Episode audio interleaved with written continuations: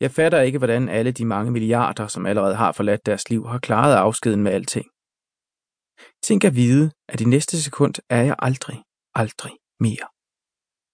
Mig bliver døden nødt til at flå ud af livet. Får jeg chancen, vil jeg flygte eller slås. Mærker jeg døden snige sig rundt om min seng, vil jeg holde mig vågen. Ingen skal få lov til at sige, at han sov ind. Frivilligt lader jeg mig ikke glide ned i dybet. Jeg har hverken Gud eller skæbne til at holde om mig. Kan se mig selv som offer for en kugle eller en ulykke. En bræt afslutning. Ikke til at ændre. Så længe jeg kan trække vejret, slipper jeg ikke mig selv. Lise vender sig om og skubber ryggen hen imod mig, så jeg kan nuller hende i nakken. Det er nok det kærtegn, hun bedst kan lide. Salig sover hun videre. De inderste hår er bløde, de yderste er stive imellem mine fingre.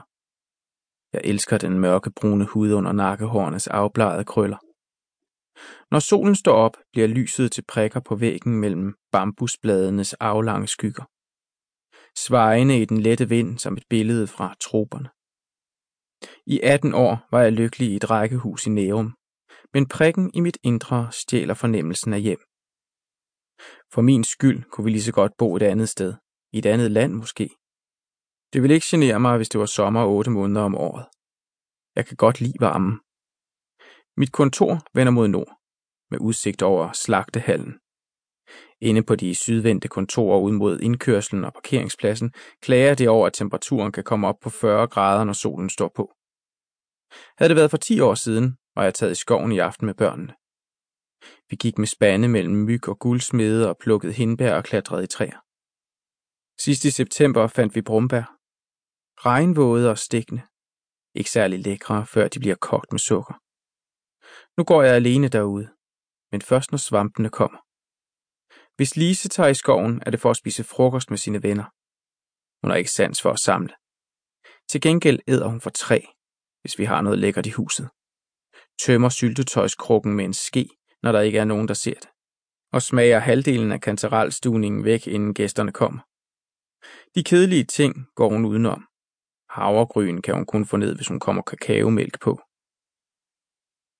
I år har jeg udvidet aktiviteterne, så nu kan jeg både kalde mig samler og jæger. Eller fisker. Det har vist sig, at jeg har den rigtige fornemmelse.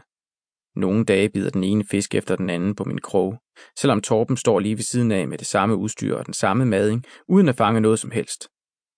Tit har jeg både til os selv, til fryseren, også Hanna og Torben inde i højhuset. Det hedder det, fordi det er første sal. Vores sted var en gammel stalling.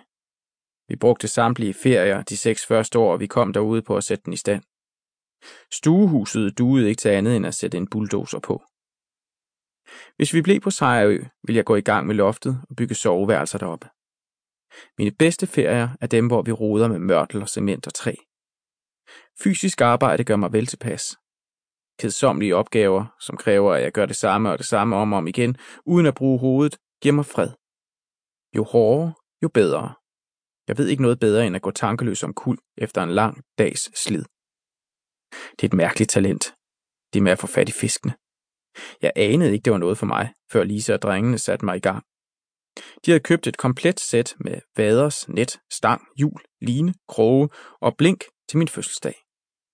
44. Så vidt jeg har kunne læse mig frem til, er det ikke usædvanligt at mærke en dump prik i maven i den alder. Hundredvis, tusindvis bliver ramt. Tal i en statistik på et lille bibliotek med udstilling af aftenskolemalernes frembringelser. Sol over vandet, heste på græs, tre appelsiner og en liter sød mælk på et bord. Jeg havde forestillet mig en anden død. Ikke fordi jeg plejede at gå og bekymre mig om afskeden med den her verden, før jeg mærkede prikken i mit indre. Tidligere kom angsten i uanmeldte glimt. Overrumplede mig med uvirkelige billeder, når jeg kørte alene i bilen eller stod og børstede tænder. Jeg så mig selv, som om jeg ikke var helt mig selv, i en alder af 88. Allermindst ville min udslidte krop blive slået i stykker mod en bropille på motorvejen. Eller jeg ville styrte ned fra en høj klippe. Vil være uheldig under en ferie i Sydamerika eller Himalaya. Jeg falder og falder. Der er ikke noget at gøre. En voldsom død. Noget de vil skrive om i aviserne. Når jeg er væk, vil folk snakke om mig.